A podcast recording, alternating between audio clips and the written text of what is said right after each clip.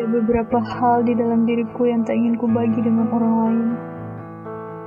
Aku akan menggenggamnya erat, menjadi setumpuk kisah tak terungkap.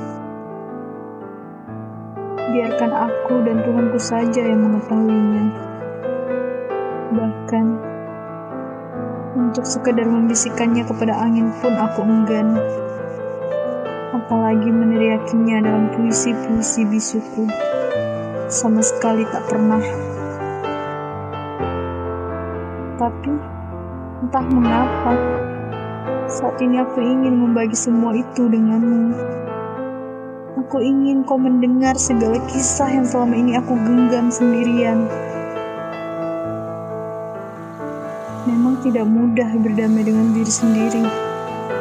Semuanya membutuhkan proses. Jangan pernah menyerah.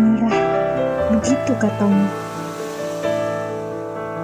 Jangan pernah lelah mendengarkanku. Jangan pernah lelah membantuku. Menghapus hujan